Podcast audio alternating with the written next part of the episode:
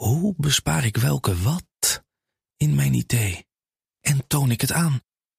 Lenklen, Virtuf Partner.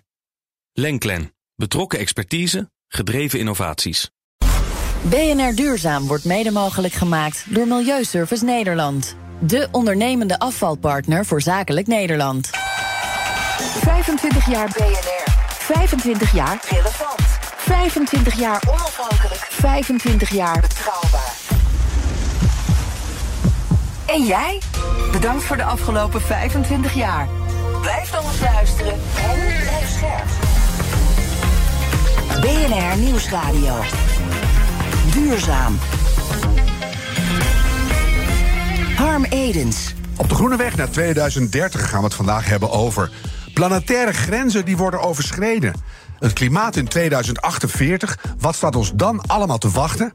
En Albert Heijn komt met een eigen plantaardige merklijn. Misschien helpt het dan toch dat radio- en tv-programma's kritisch blijven kijken naar wat er gebeurt in de wereld van duurzaamheid. Vorig jaar was de Keuringsdienst van Waarde vernietigend over het nieuwe groene keurmerk van Albert Heijn. Beter voor natuur, boer en varken en beter voor natuur, boer en kip.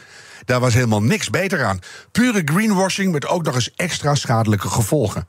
Misschien hebben ze daarna geluisterd in Zaandam. Want nu komt Appie met plantaardige kroketten, garnalen, halvarine, kaas en ga zo maar door. Maar liefst 200 plantaardige producten onder de naam AH Terra. En er gaan steeds meer producten bij komen. Mooi nieuws.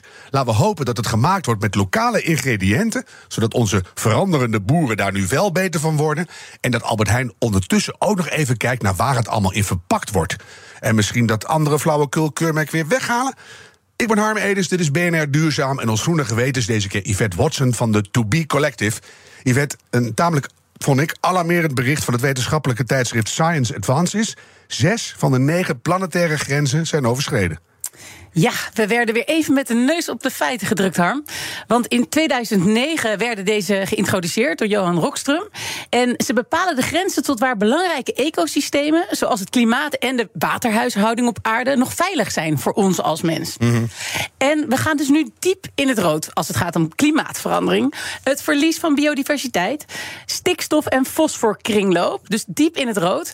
En uh, dat laatste is de hoeveelheid stikstof die voor de mens uit de lucht wordt gehaald. En de hoeveelheid fosfor die in de oceanen terechtkomt. Dus dat is echt gevaarlijk. Maar ook bijvoorbeeld het zoetwatergebruik, landgebruik, chemische verontreiniging gaan hard achteruit. Ja. Maar er is ook nog wel een fantastisch lichtpunt te vermelden in deze analyse. Namelijk de planetaire grens voor de ozonafbraak is een uniek voorbeeld van hoe de mensheid door radicale samenwerking een ramp kan voorkomen. Want in 1990 overschreden we deze grens fors, maar door samenwerking rondom het Mon Mon Montreal-protocol zijn we inmiddels terug in de safe zone. Dus dat is een, een lichtpunt. Maar eh, laten we er niet overheen praten. Zes van de negen grenzen staat echt zwaar in het rood. Daar moeten we wat mee. Ja, absoluut. Dan, de, meest 40, de 40 meest inspirerende organisaties van Nederland zijn bekend. Wie, wie bepaalt die 40 meest inspirerende clubs? Ja, dat is een samenwerking tussen Synergie en nog een aantal andere partijen. En die doen breed onderzoek onder 6000 Nederlanders. Mm -hmm. uh, naar wie, welke grote organisaties ons inspireren.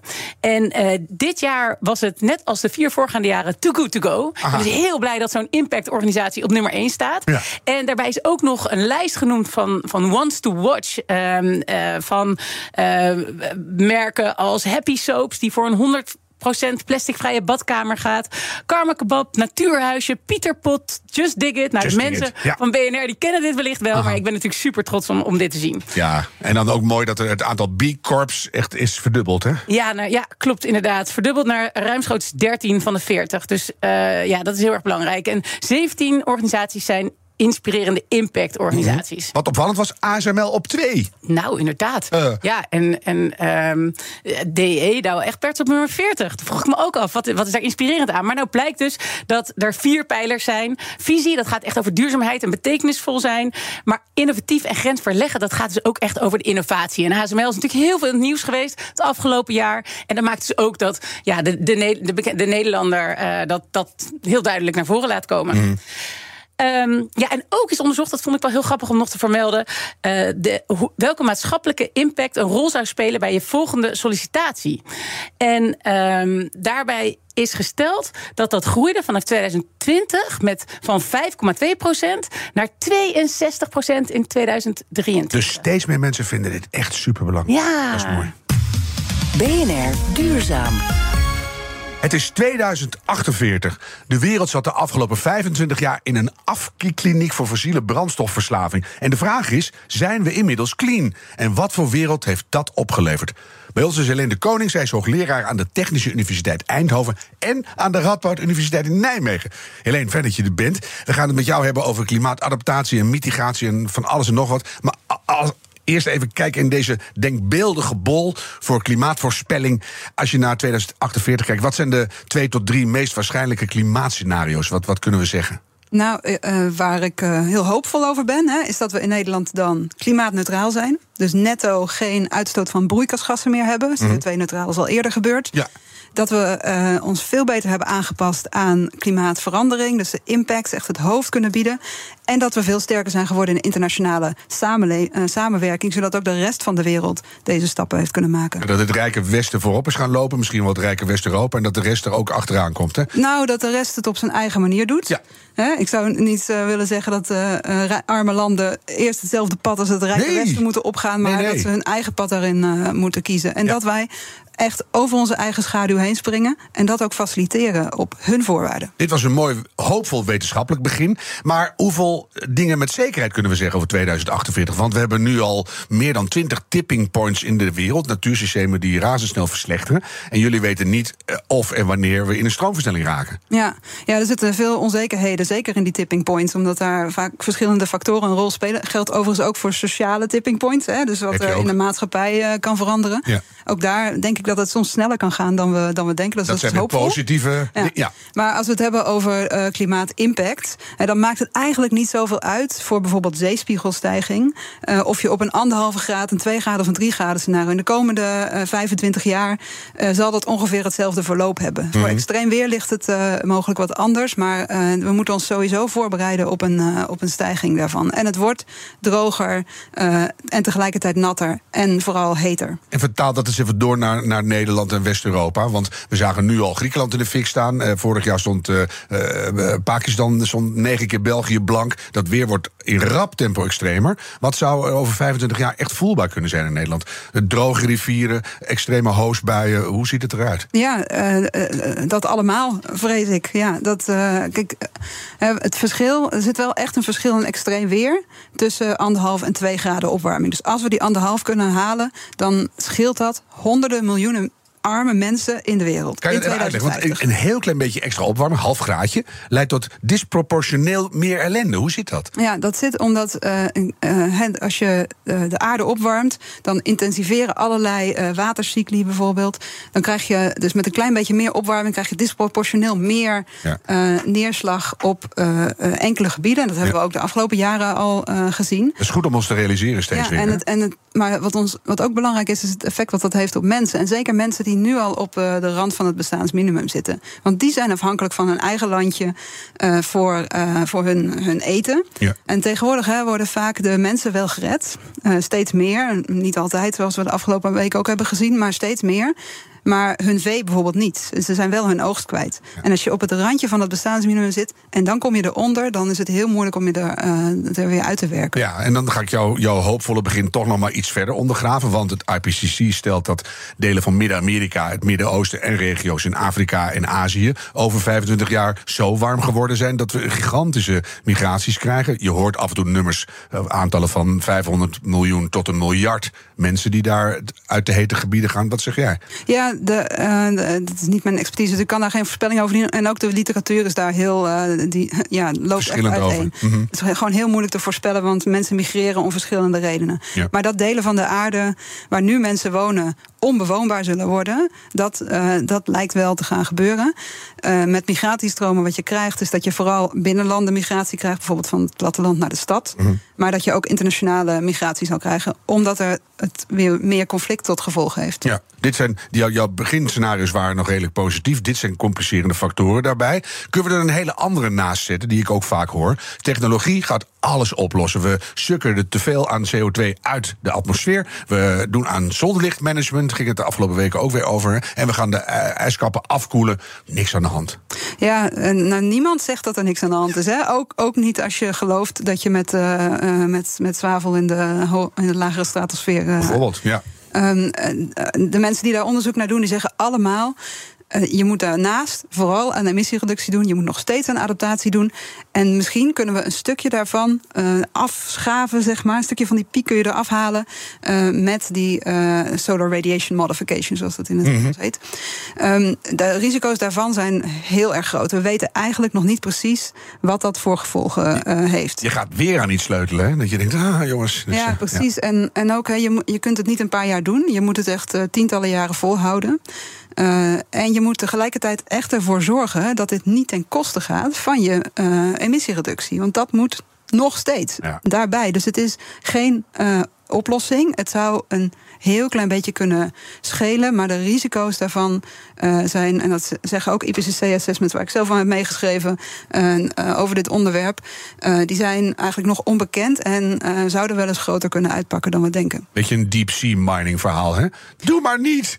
Denk ik dan. Maar dat is een geheel privé mening van een onbeduidende presentator. Ik kijk ook even naar Yvette. Als we naar de CO2-uitstoot wereldwijd kijken, in, in 2022 37 miljard ton wereldwijd. Dat stijgt nog eens een recordjaar. En dan heb ik ook vaak mensen die ik spreek, ook hier in de studio, die zeggen: als we dit soort toekomstige doemscenario's de hele tijd maar in de lucht hangen, dan zorgt dat voor verlamming. Dan denken mensen: het maakt niks meer uit. Wat denk jij?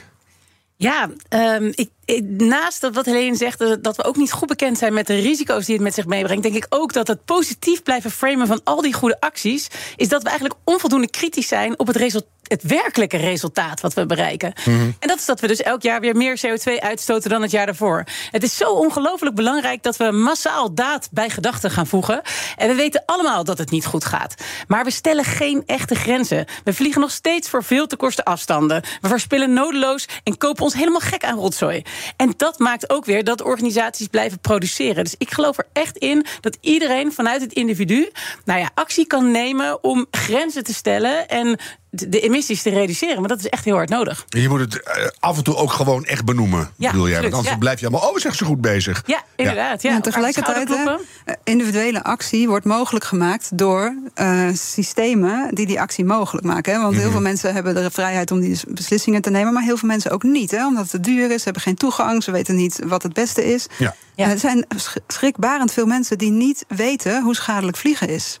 Nog steeds, hè? Nog steeds. Ja, ja het is, wij kunnen hebben hier. Ja. En dat soms ook niet willen weten. Gaan we toch ja. even terug naar jouw beginpositiviteit, alleen. Jij zei uh, 2050, laat maar even afronden naar boven. Dan zijn we klimaatneutraal. Uh, gaan we dat halen op basis van wat je nu ziet? Nou ja, op basis van huidig beleid niet. Nee. Nee, dat is Oei. duidelijk. Uh, internationaal niet en in Nederland ook niet. zelfs in Europa niet. Er moet echt een versterking komen. En tot nu toe hebben we vooral ingezet gezet op uh, 2030 ongeveer halveren, ietsje meer. Mm -hmm. uh, en eigenlijk niet heel hard nagedacht over 2050 en wat dat nou precies betekent. En trouwens, niet alleen 2050, maar 2040, want dan moeten we ongeveer CO2-neutraal zijn. Ja. Dat vergeten we. En we hebben het laaghangende fruit dan weggehaald. En het wordt steeds complexer en moeilijker. En de tegenbeweging merk ik ook heel hard. Laten we het maar even uitstellen, want er uh, is al zoveel wat onze aandacht vraagt. Daar hebben we geen tijd meer voor. Ja, precies. Er zijn altijd belangrijkere dingen die eerder komen. Hè. De, wat is urgent, wat is belangrijk? Dit zou urgent en belangrijk moeten zijn, maar mensen vinden het vooral alleen maar belangrijk. Dus, dus daar. Uh, daar zit een, uh, duidelijk een, een, probleem dat we het moeilijk vinden om over de langere termijn uh, na te denken. Ja, en ook andere... wat het betekent om klimaatneutraal te zijn. Want dat is echt een ander soort Nederland. Hè. Het ziet er echt anders uit. We kijken hier naar buiten, we zien allemaal auto's en zo.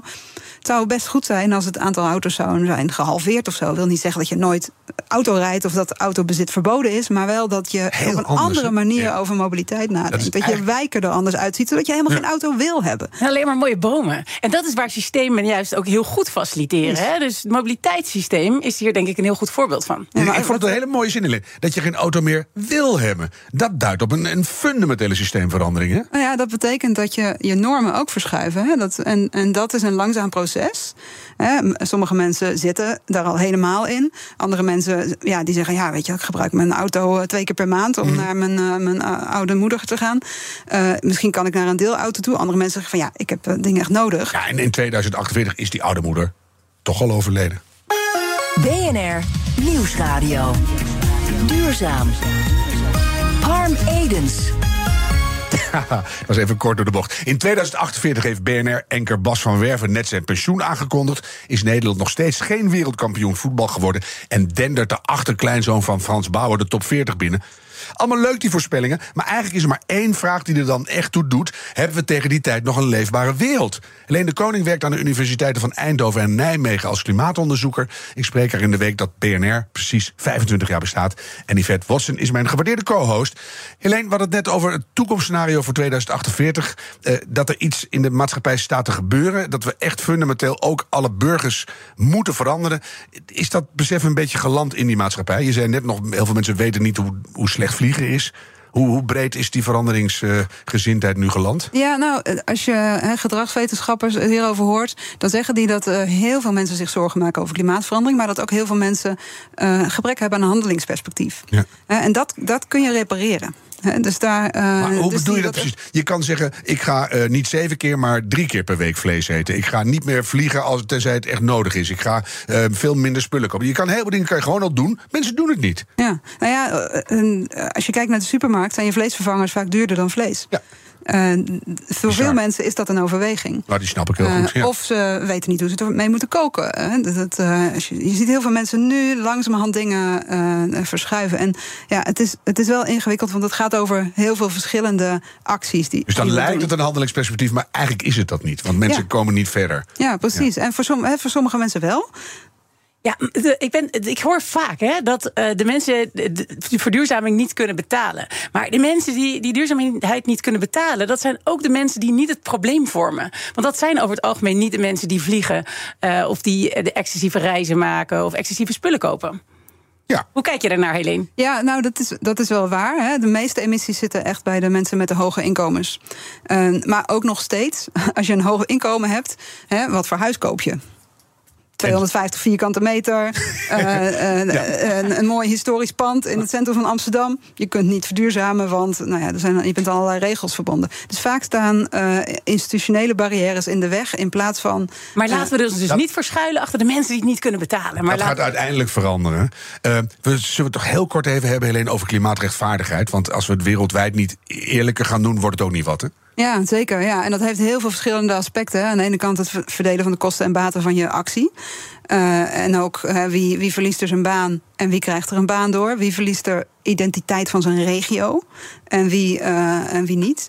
Ja. dus da dat is een onderdeel daarvan. Het andere onderdeel is procedurele rechtvaardigheid, zoals ze dat noemen. Hè? Dus dat mensen zelf zeggenschap hebben, als ze dat willen hebben, over hun uh, omgeving. Dus dat ze mhm. worden gekend in verandering. Maar een hele belangrijke is uh, wat ze wel herstellende rechtvaardigheid noemen. En dat heeft er alles te maken met de historie. Dat met de mensen die eigenlijk altijd uh, de sjaak zijn, zeg maar, met allerlei maatregelen die altijd aan het kortste eind trekken, zijn nu vaak ook weer de verliezers van de transitie. Dat moeten we omdraaien. dat moeten we omdraaien. dat is heel goed. En uh, de gevolgen van klimaatverandering, de grondstoffen die opraken, uh, al die dingen die. We gaan kijken wat dat over 25 jaar noodgedwongen voor nieuwe economie heeft opgeleverd. Helene de Koning, dank voor je komst. Yvette, ook dank. Jij duikt zo de treinen naar je volgende afspraak. Ja, dat klopt. En het is ook een hele leuke afspraak. Want ik ga namelijk nou, naar de gemeenschappelijke jury die wij hebben. De Wubbo Okko's Innovatieprijs. Ja. .nl. Tot 1 oktober kunnen allerlei goede ideeën, slimme innovaties over duurzaamheid zich aanmelden. En op 3 november met een groot festival zal de winnaars drie keer 10.000 euro worden uitgereikt. Dus kom maar door met de innovaties. Veel plezier daar. Absoluut. Tot slot nog even dit. Deze week wordt tijdens de New York Climate Week de TNFD gelanceerd. Dus de Task Force on Nature-Related Financial Disclosures. Of zoals mede-initiator van het Wereld Natuurfonds zegt... een wake-up call voor de natuurpositieve economie. Christiane Christine Wortman is hoofd van het Nederlands Green Finance Team van het Wereld Natuurfonds. En zij legt het even uit. We zien dat uh, het thema biodiversiteit steeds belangrijker wordt, maar dat bedrijven daar nog minder bekend mee zijn dan, uh, dan met klimaat. Uh, terwijl dus wel steeds meer in wetgeving en regelgeving wordt opgenomen. En het raamwerk van de TNFD helpt bedrijven om daar een eerste stap in te zetten en heeft een, eigenlijk ook een praktische aanpak met stappen en, en deelvragen die bedrijven kunnen gebruiken om beter te begrijpen van hoe verhoud ik me tot natuur, hoe ben ik afhankelijk van natuur en welke impact heb ik daarop. En vervolgens ook daar actie op te ontwikkelen en, en over te rapporteren. Spannend. Ga naar tnfd.global en doe je voordeel ermee. Dit was BNR Duurzaam, de groene weg naar 2030. Laten we die met z'n allen nemen. En een beetje doorlopen graag. De tijd van treuzelen is voorbij. BNR Duurzaam wordt mede mogelijk gemaakt door Milieuservice Nederland. De ondernemende afvalpartner voor zakelijk Nederland. Hoe bespaar ik welke wat in mijn idee? En toon ik het aan? Lenklen, Virtuf Partner. Lenklen, betrokken expertise, gedreven innovaties.